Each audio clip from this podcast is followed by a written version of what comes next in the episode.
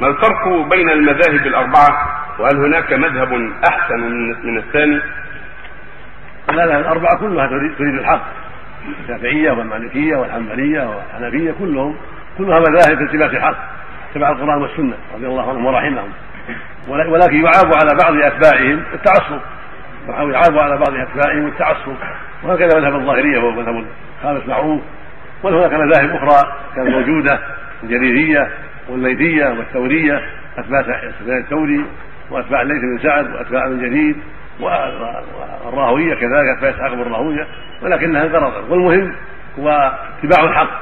هؤلاء المذاهب الأربعة والظاهرية ومن قبلهم من المذاهب التي انقرضت كلهم أهدافهم اتباع الحق. فقد يختلفون في مسألة أو مسألتين أو ثلاث فيشتهر بها العالم ويكون لها أصحاب وأتباع فيشتهر ذلك المذهب بهذا الشيء الذي انفرد به هذا العالم مسألة أو سنتين أو ثلاثة أو أكثر رأى فيها غير رأي أخيه بسبب أدلة خفيت على هذا وظهرت لهذا وهي مسائل فرعية.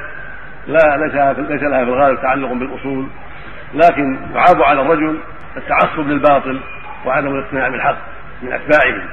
هذا هو الذي يعاب عليه وإلا فالمذاهب معروفة كلها تريد الحق وتتبع الكتاب والسنة وتهدف إلى اتباع الكتاب والسنة وإلى الثبات على ما جاء به الرسول عليه الصلاة والسلام.